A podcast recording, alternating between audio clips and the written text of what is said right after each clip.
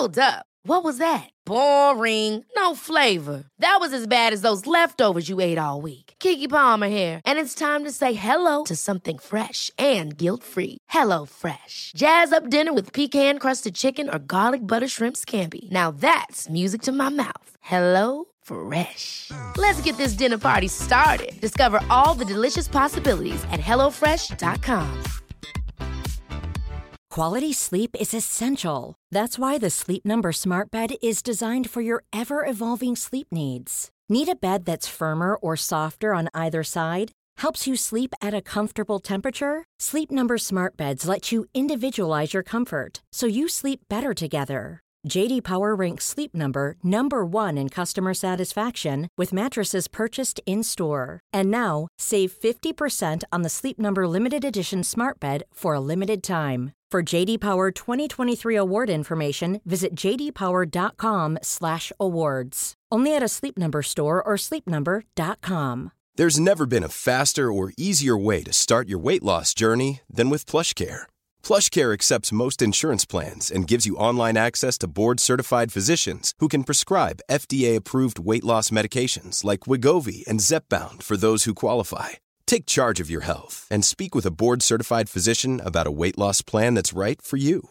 Get started today at plushcare.com slash weight loss. That's plushcare.com slash weight loss. plushcare.com slash weight loss.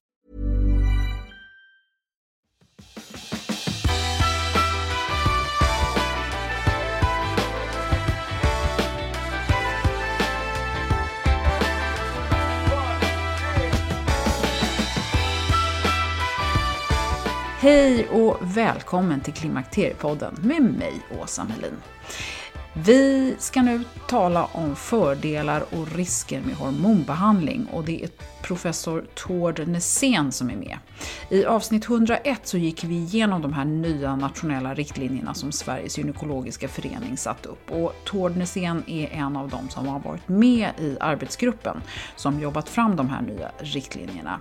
Och efter att det här avsnittet spelades in så publicerades en studie i den seriösa medicinska tidskriften The Lancet som gav eko i pressen om att hormonbehandling i samband med klimakteriet ger större risk risk för bröstcancer än man tidigare trott. Det har varit en del debattinlägg och artiklar som ger lite olika budskap och vi har spelat in ett tillägg i det här avsnittet cirka 26 minuter in där Tord Nässén får svara på vad som är nytt och eh, hur de här nya riktlinjerna eventuellt påverkas av den här Lancet-studien.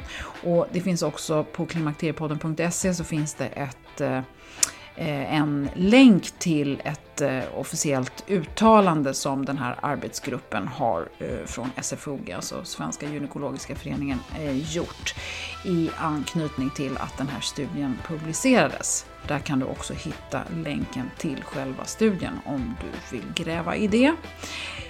Jag vill också flagga för att du inte ska missa nästa avsnitt som handlar om benskörhet. En riktig ögonöppnare om du frågar mig. Men nu till dagens avsnitt, så välkommen att lyssna.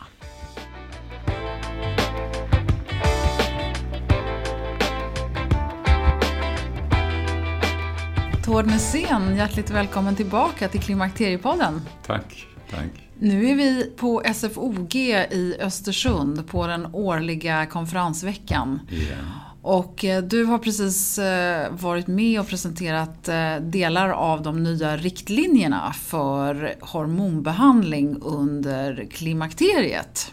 För oss vanliga kvinnor, men de som det presenterades för var ju vården.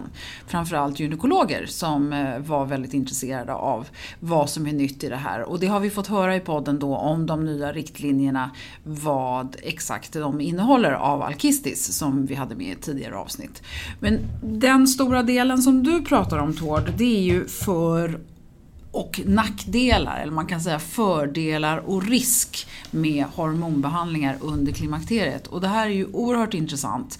För det är väldigt svårt som kvinna att komma förbi den här skräcken som finns inbyggd i oss att hormoner är farligt. Ja, absolut. absolut. Eh, det har väl ibland kanske uppfattats som lite större risker än vad det de facto är. Mm. Eh, och jag pratade ju om, om fördelar och risker eh, totalt sett. Och, eh, jag började med att, att då upprepa än en gång att eh, kvinnor som lottas till hormonbehandling är mellan 50 och 60 års ålder har 40 procent lägre total dödlighet under behandlingstiden jämfört med de kvinnor i samma ålder som lottas till eh, sockerpiller. Mm. Det är ganska substantiella effekter. Mm. Och när vi pratar om total dödlighet så pratar vi om allt från att få en tegelsten i huvudet till, till att dö i, i hjärt-kärlcancer eller whatever. Ja, exakt. Då är allt inkluderat. Bröstcancer, koloncancer, olyckor, mm. anything. Mm. Men om vi ska gå in på eh, fördelar och risker med hormonbehandling. Kan inte du, eh, precis som du gjorde på det här symposiet, kan inte du eh, berätta för oss? Vad, om vi börjar då med, med fördelarna. Ja, den uppenbara och sedan länge noterade fördelen det är ju effekten på klimakteriebesvär. Mm. Där många kvinnor då upplever de här besvären i olika grad men, och under olika lång tid. Men där har det ju eh, dokumenterats ända sedan 40-50-talet att östrogener har en utmärkt effekt. Mm.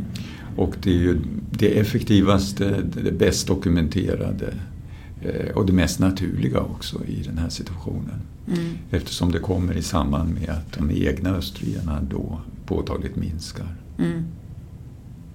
Mm. Eh, det är det ena. Sen finns det som jag nämnde då också flera andra indirekta saker. Eh, bland annat amerikanska studien just från den här VHI-studien som gav upphov till de här negativa eh, strömningarna. Där har man sett att kvinnor som fick enbart östrogen i VHI-studien hade en halvering, halverad risk att utveckla förkalkningar i kranskärlen i hjärtat jämfört med de som inte fick östrogenbehandling. Mm. Och det är alltså lottade studier med och utan behandling. Eh, ännu mer substantiellt är när man tittar på de som har fått hjärt-kärlsjukdomar eller hjärtinfarkt i princip. Och där ser man ju också att det är ungefär en halvering av risken. Ungefär hälften.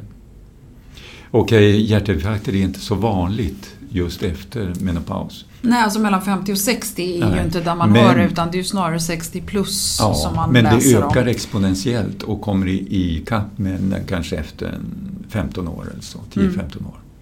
Eh, och det är ändå nog den här effekten på hjärt-kärlsjukdomar som påverkar eh, förändringen i total mortalitet starkast också.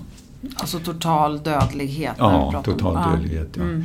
Eh, så en halvering av den här hjärt-kärlrisken den är substantiell. Mm. Och hänger den kvar, om man nu har tagit eh, östrogen mellan 50 och 59, hänger den effekten, fördröjs effekten då? För du sa att sen kommer man ikapp. Ja, eh, när man kommer ikapp menar jag alltså obehandlat. Ja. Att kvinnor har extremt låg sjuklighet och dödlighet i hjärt-kärlsjukdomar innan menopaus. Mm. Och eh, däremot männen har ja, klart högre då. Men sen är ökningstakten betydligt snabbare hos kvinnor. Så att de ligger ungefär på samma nivå vid kanske 65 års ålder. Okej, okay. ja. okay. så vi fördröjer den risken. För säg att man, låt säga att man äter östrogen under 5 till 8, 10 år, under den tiden som, som besvären så att säga normalt sett ger sig till känna. Ja. Och sen så slutar du. Börjar du då där någon som inte hade tagit östrogen hade varit när den var 50? Eh, I princip skulle det kunna vara så.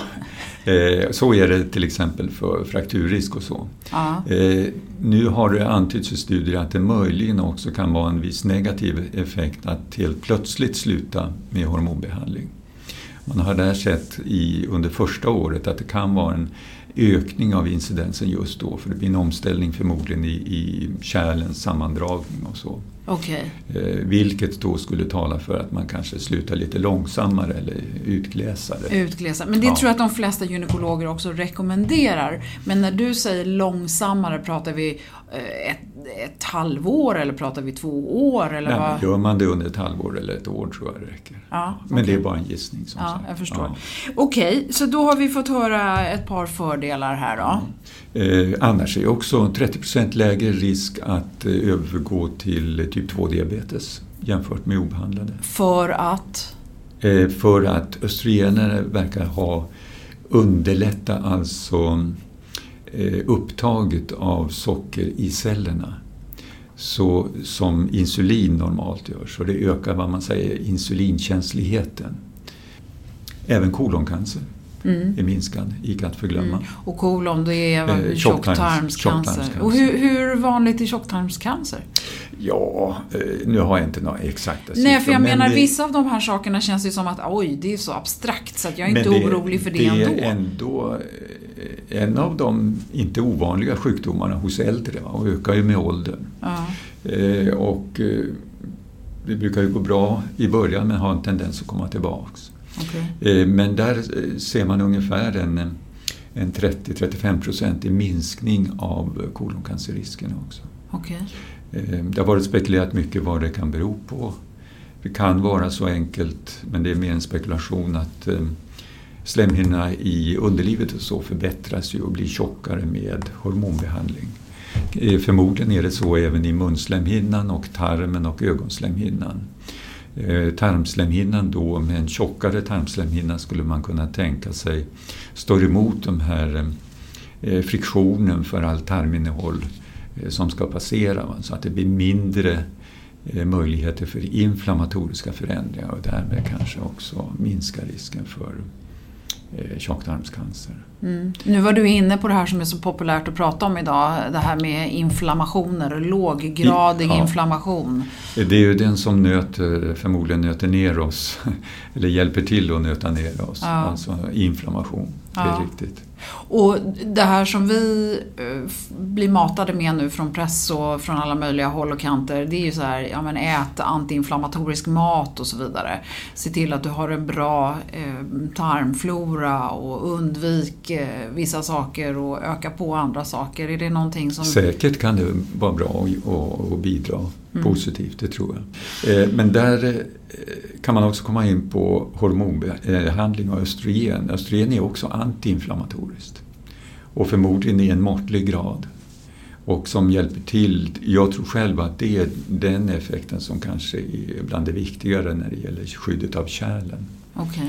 Och minskningen av hjärt-kärlsjukdomar efter eller i samband med hormonbehandling. Ja. Inte så mycket kanske eh, effekter på blodfetter och så, som också förbättras av hormonbehandling. Ja. Eh, man pratar ju också om benskörhet och du nämnde det lite grann. I princip eh, bevara skelettet så länge du behandlar. Okay. Förutsatt att eh, det tas upp i förväntad omfattning från tarmen eller huden, hur du nu ger det.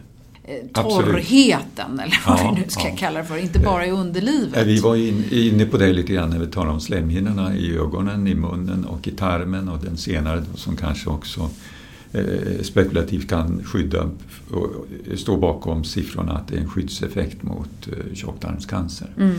Eh, precis som du säger, det skyddar ju bindväven överallt och bindväven är ju grundelementen i kroppen. Mm. Så det har effekt på hud, det har effekt på bindväven i kärlväggen, i hjärtat, i hjärnan, överallt. Nu är det ju så att man inte bara kan ta östrogen om man har sin livmoder kvar. Och majoriteten mm. av svenska kvinnor har ju livmodern kvar och då måste det kombineras med någon form av progesteron för mm. att man inte då ska bygga upp framförallt eh, en potentiellt cancerogen livmoderslemhinna. Helt riktigt. Och då finns det ju en debatt om det som vi har tagit många gånger tidigare huruvida man vill äta naturligt eller gestagenerna som är, är bättre dokumenterade och studerade och ni har egentligen framförallt bättre erfarenhet av eh, i olika studier så att säga vad de har för effekter.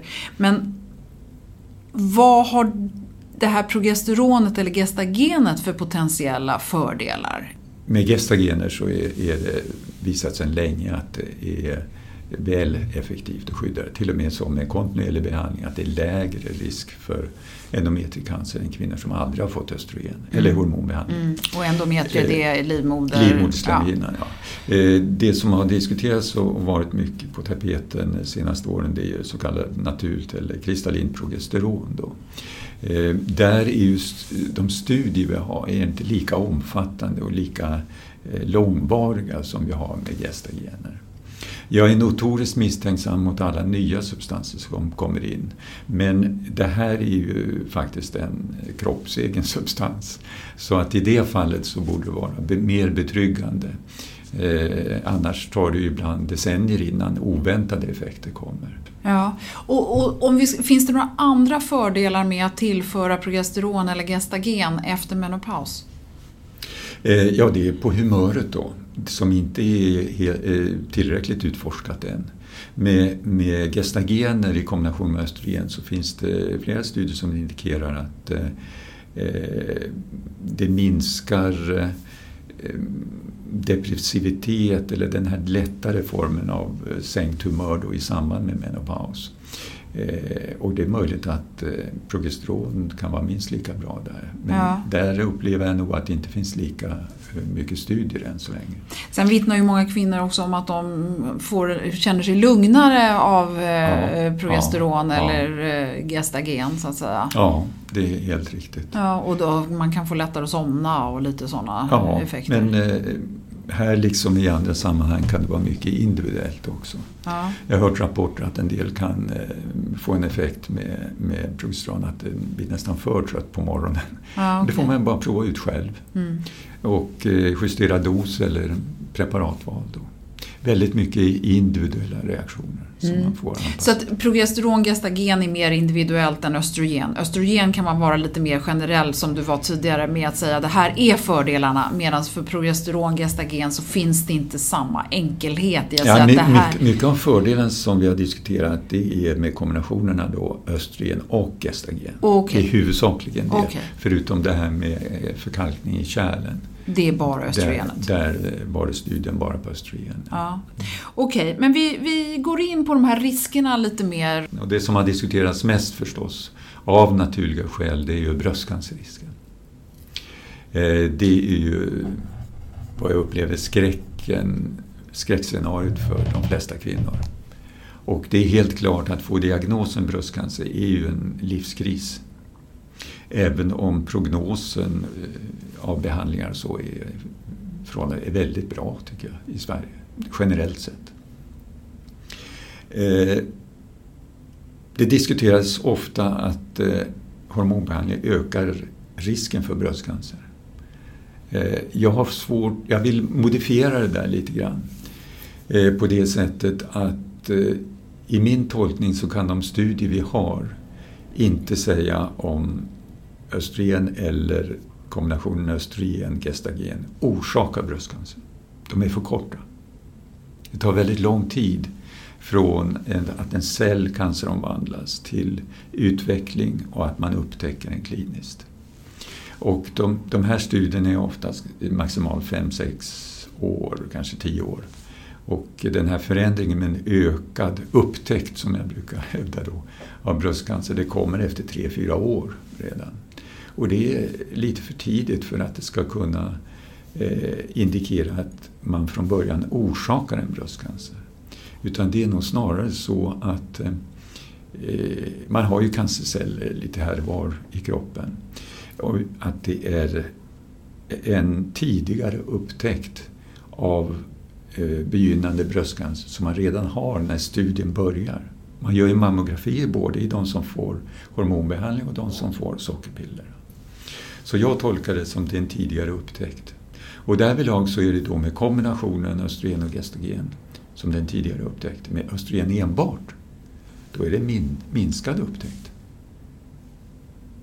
Men vilket som är att föredra på eh, 20-25 års sikt, det vet jag inte.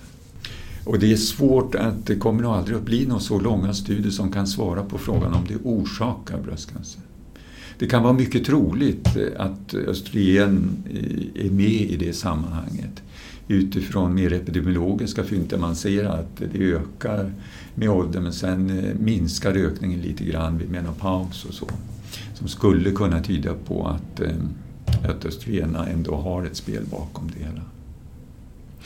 Men det går ju inte att bortse ifrån att det finns ganska tydliga indikationer på att kombinationen östrogen-gestagen, vilket är standardbehandlingen i Sverige, ja. ändå orsakar en liten förhöjd risk för bröstcancer. Ja, i de amerikanska studierna med de östrogen som används i USA Alltså det som är utvunnet från urinen på gravida ston. Här i Europa och i Sverige har vi använt rent kroppseget östradiol i princip sedan 70-talet.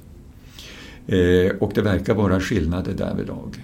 Grovt sett så ser man oftast ökningar då i upptäckten av bröstcancer med det amerikanska östrogenet, även om det inte är signifikant. I den VHI-studien från 2002 och som gav den här skrämsellekan med relativ risk på 1,24 tror jag det var. Det är inte signifikant. Vad, vad betyder 1,24? Att det är då 24 procent högre risk över observationstiden.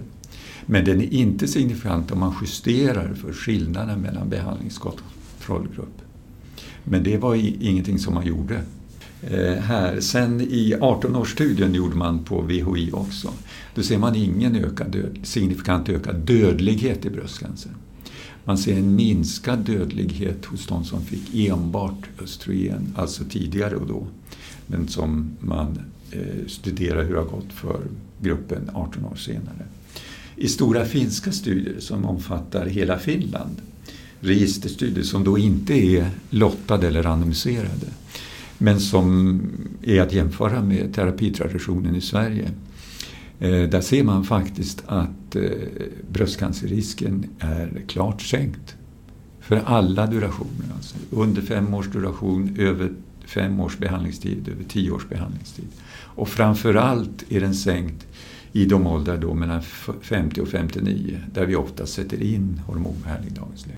Eh, det säger, vad det säger det är ju absolut att kvinnor som de facto får hormonbehandling inte dör mer i bröstcancer. Det är inte så lätt materia för eh, vanliga människor att ta till sig. Nej, och det här får man ha lite försiktighet. Det är ingen randomiserad studie, men det är ändå en jättestor studie. Förklara vad skillnaden är då om den studien är randomiserad eller gjord så som populationsbaserad som den här eh, finska. Ja, i, i, i en randomiserad, då är det en studieuppläggning. Om man, eh, man frågar kvinnor om de vill delta, ja eller nej. Och sen lottar man till de som får aktiv behandling eller inte behandling. Oftast då är det så kallad blindad, att man inte vare sig patient, eller försökspersonen eller forskaren vet eh, vad det är i burkarna. Nej, så, men man har ju ändå gjort ett aktivt val att delta i studien och då, då kan, man ju, ifrån. då kan man ju gissa Nej. att personen i fråga också kanske har något visst behov av behandlingen. Eh, det kan det vara. ibland brukar man göra så kallade bortfall eller analyser då på vilka som inte ställde upp på det här. Och man har ändå frågat dem hur gamla de är och så vidare, om det är några skillnader i sådana faktorer. Det är vad man kan göra. Mm.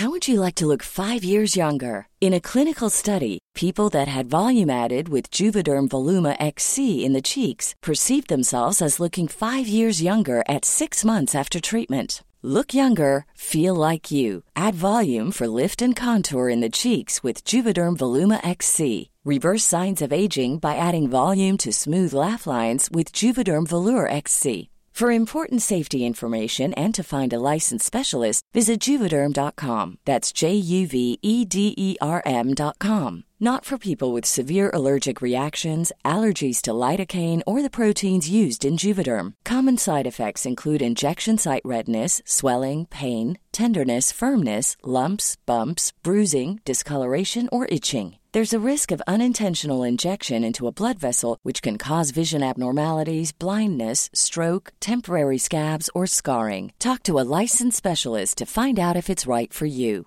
Many of us have those stubborn pounds that seem impossible to lose, no matter how good we eat or how hard we work out. My solution is PlushCare.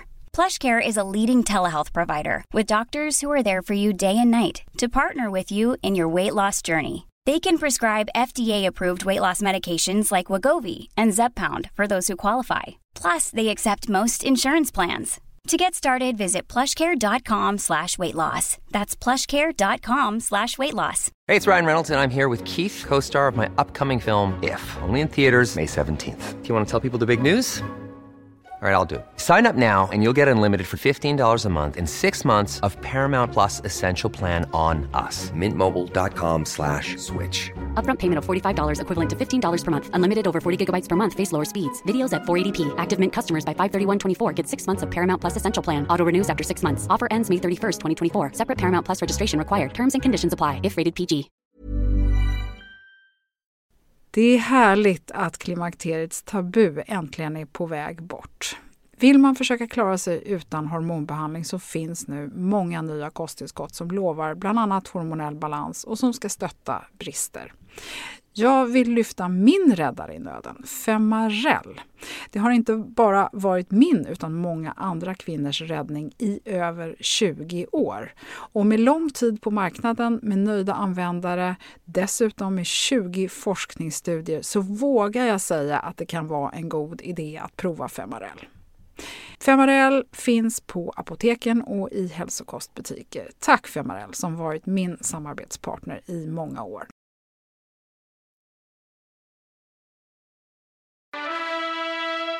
Ja, den andra stora farhågan det är väl att få hjärninfarkt helt enkelt. Blodpropp brukar man ju säga. Eh, och det är ju en allvarlig och invalidiserande och ibland dödlig åkomma.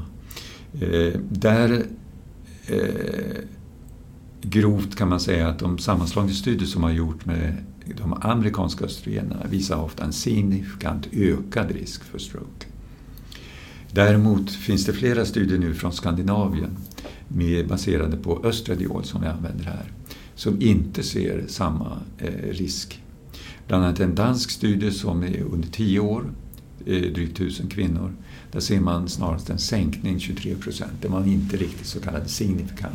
Och har det här att göra med huruvida man tar det oralt eller Ja, det via här var huden? oral behandling i princip. Okej. Ja. För att annars brukar man ju i Sverige säga att har man tidigare haft blodpropp eller har en ökad risk för blodpropp ja. så får man det via huden Ja. och då tar man bort den Ja, risken. då, då kan man säga att det, det är ingen risk för blodpropp med, Nej. med eh, östrogen givet genom huden. Nej, Det okej. är riktigt. Eh, där det inte är tabletter alltså. Mm. Och det beror nog på att eh, tar man det med tablettform då snurrar det längre, längre och påverkar levern på ett annat sätt så att eh, koagulationsfaktorer eh, lite störs av den. Det verkar också så, men det är inte eh, riktigt fastslaget än, men en del studier tyder på att även den här vanliga blodproppsrisken är klart mindre med östradiol än med amerikansk östrogen. Mm. Har vi fått med alla risker? I ett andra, men det här är väl de viktigaste ändå. Ja. Ja. ja.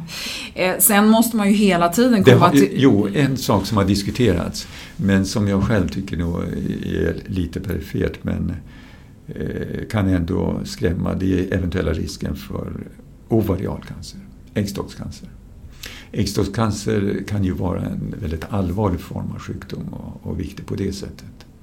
Men där är, är alltså är skillnaden så små så att, eh, och den är från grunden så ovanlig så att det bör inte ha någon större impact på om man väljer eller inte väljer.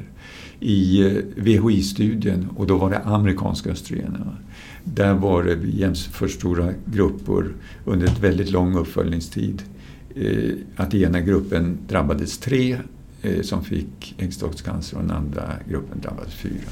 Mm. I hela det här och med din erfarenhet så, så tänker jag att den generella hälsan och hur man sköter sig. Hur, hur stor eh, del tror du det har? Ska man väga in det när man... Alltså, för det gör ju läkaren. Gynekologen eller läkaren väger ju in livsstilsfaktorer som en risk Eh, absolut tror jag att eh, livsstilen förstås eh, påverkar risker och, hur man mår överhuvudtaget och även total överlevnad, hur länge man lever. Det har vi ju läst mycket om det här Blue Zones och så vidare, med, där det mest är livsstilsfaktorer. Va? Där har det ju varit områden där eh, hormonbehandling är väl ganska non-existent. Så visst kan man påverka sådana saker med levernet, helt klart, det tror jag också. Mm. Eh, sen är det då, eh, det viktigaste är, ju för de kvinnor som har klimakteriebesvär.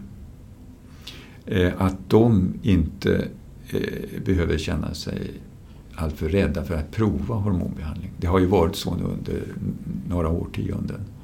Att det är många kvinnor som försökt vara duktiga och avstå eller sluta med hormonbehandling bara för att man har upplevt att det är så farligt.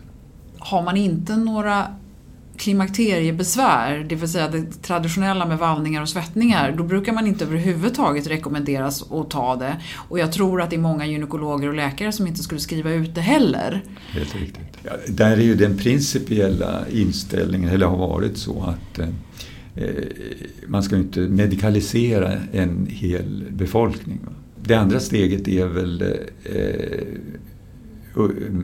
prisgivet till ens eget val, vad man vill göra och om man tror på någonting eller inte. Vad är det som är nytt i den här studien som publicerades i Lancet och hur påverkas de nya nationella riktlinjerna av det här? Eh, ja, den kom ju eh, som en bomb kan man säga. Men för mig är det i princip inget nytt. Eh, det som framförs här är den ökade risken eller upptäckten av bröstcancer efter hormonbehandling och det har man vetat i sedan många år och i många studier. Så det är inget nytt. Eh, att det får så stor uppmärksamhet beror på att eh, generellt sett är negativa nyheter i det här medicinska området eh, får större utrymme än eventuellt positiva nyheter. Ja, man har också en, som den här studien visar, en, en klar effekt av övervikt som är associerat med en ökad risk för upptäckt av cancer. Och jämfört med icke överviktiga som har eh, på tio års sikt ungefär 5 risk så ökar den till drygt 7% för de överviktiga. Eh, hormonbehandling har jämförts på samma sätt då, ingen hormonbehandling. Och då ökar det från drygt 6% till drygt 9% Det vill säga i obesitas så är det ökning med 2% och med hormonbehandling så är det ökning med 3 det är skillnaden kan man säga. Eh, och då om man ser på effekten av hormonbehandling enbart eh, och eh, nivellerar effekten av vikt då är den alltså bara 1% högre än de 2 som, som övervikt i sig ger. Det, det förändrar inte den här inställningen att för friska kvinnor som är mellan 50 och 60 år eller 10 år, mindre än 10 år efter menopaus och har klimakteriebesvär så är det så att eh, fördelarna bedömer vi klart överväga eventuella nackdelar. En annan kommentar är att eh, eh, när man gör sådana här studier så väljer man ju alltid de studier som ska ingå efter vissa kriterier och det är lite svårt att förstå i den här studien för att där har man inte tagit med vissa studier och tagit med andra studier som även kritiserats internationellt. Man har inte heller tagit med en studie från Frankrike där man har progesteron och man har däremot inkluderat eh, tydligen några studier med p-piller som inte har med sammanhanget att göra. Inte heller har man tagit med den finska nationella studien och där man inte ser, man ser en ökning av incidensen, alltså risken att få det, men man ser en signifikant eller säkerställd minskning av dödligheten i bröstcancer. Både vid under fem års behandling och även efter tio års behandling. Och framförallt i åldersgrupperna mellan 50 till 59. Terapitraditionerna i Finland stämmer med dem i Sverige väldigt väl.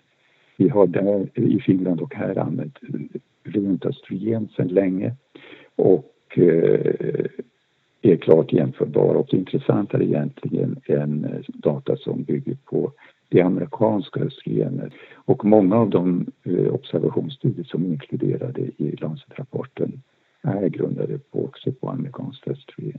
Så var, varför man har uteslutit på det här sättet, det är lite oklart faktiskt. Och också beräkningen av antalet är inte gjort på övertygande sätt. Ja, nej, vi uppfattar det som det är inget nytt i princip med den här studien.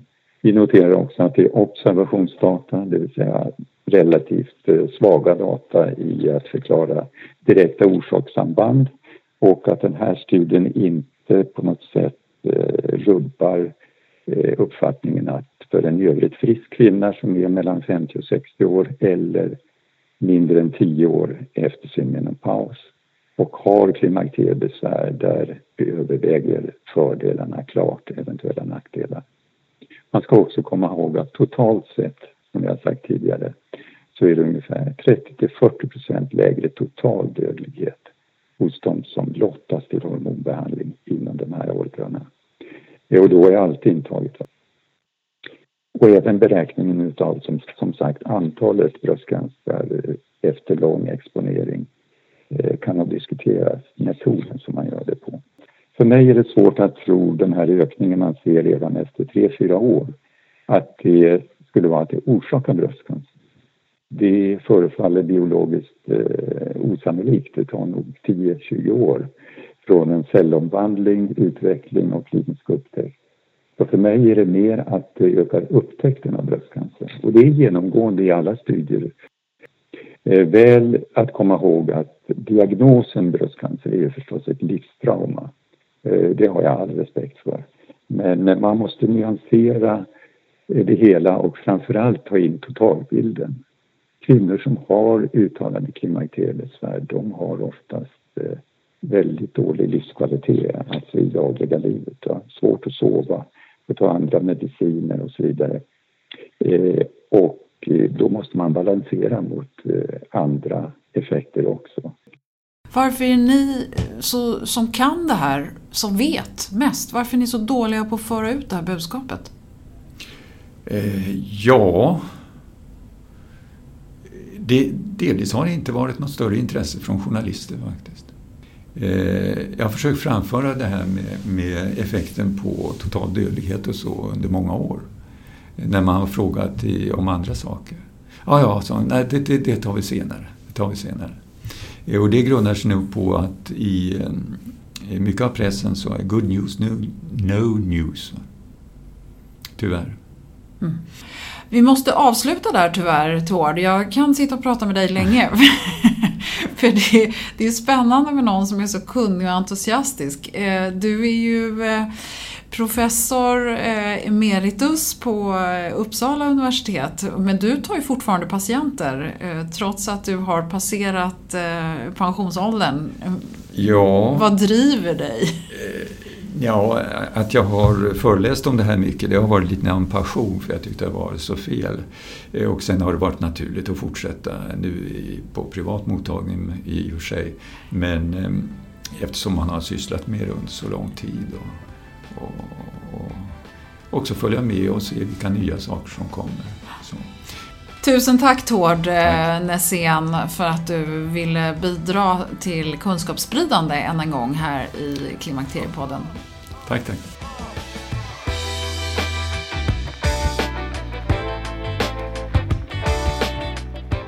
Ja, det är ju ingen lätt materia det här och jag tycker verkligen att det är viktigt att framhålla att alla kvinnor som tar eller överväger hormonbehandling för sina klimakteriebesvär ska göra i samråd med en läkare eller gynekolog.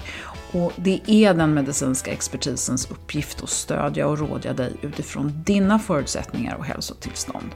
Vi har otroligt många faktorer som måste vägas in för att kunna avgöra om fördelar överväger nackdelar med den behandlingen läkare eventuellt sätter in för att ta bort eller dämpa klimakteriesymptom. Det handlar ju inte bara om bröstcancer utan även status hjärta-kärl, benskörhet, genetik, allmän hälsa, viktstatus som vi hörde mycket om här och om du tar någon annan medicinering och livsstilsfaktorer generellt såklart. Dessutom så är det ju otroligt intressant med att man kan haft tidigare påverkan och känslighet av sina egna hormoner, PMS och så vidare och hur det då påverkar eventuell behandling. Ja, jag skulle önska att debatten var lite bredare än att man måste liksom vara för eller emot. Och återigen, det är så viktigt att man som individ och kvinna har någon kunnig person att diskutera det här med. Jag hoppas i alla fall att du har lärt dig någonting. Och lyssna gärna på avsnitt 77 där vi pratade om bröstcancer och det här med individuell risk kopplad till bröstcancer för, på grund av bland annat brösttäthet. Superintressant måste jag säga. Vi får absolut anledning att komma tillbaka till det här ämnet framöver. Vill du höra mer av professor Tord Nässén så ska du också lyssna på avsnitt 11. Och som jag sa i början så finns det alltså länkar på Klimakteriepodden klimakteriepodden.se till den här Lancet-studien och uttalandet från SFOG. Du hittar naturligtvis också information på Klimakteriepoddens Facebook-sida. Jag ska definitivt plocka upp bollen med humör och hormoner ur fler vinklar framöver. Men först så ska vi tala om hur benskörhet eh, verkligen kan kliva in i våra liv i samband med klimakteriet. Och hur ska du göra med kost, träning och andra saker för att bibehålla och bygga ett starkt skelett och minska risken för att bryta någonting? Missa inte nästa avsnitt. Följ gärna Klimakteriepodden på Instagram och du hittar som vanligt allt som har med avsnitten att göra på hemsidan klimakteriepodden.se och på Klimakteriepodden på Facebook. Och därigenom kan du också komma i kontakt med mig, Åsa Melin. Tack för att du har lyssnat, sköt om dig och hoppas du är med snart igen. Hej då!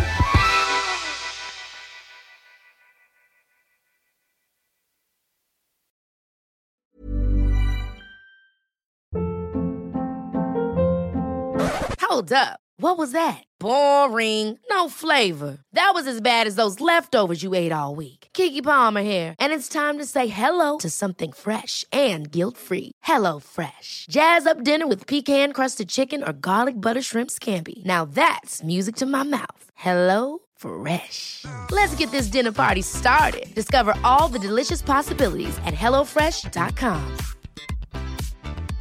Imagine the softest sheets you've ever felt. Now imagine them getting even softer over time. That's what you'll feel with Bowl and Branch's organic cotton sheets. In a recent customer survey, 96% replied that Bowl and Branch sheets get softer with every wash. Start getting your best night's sleep in these sheets that get softer and softer for years to come. Try their sheets with a 30-night guarantee. Plus, get 15% off your first order at bowlandbranch.com. Code BUTTERY. Exclusions apply. See site for details.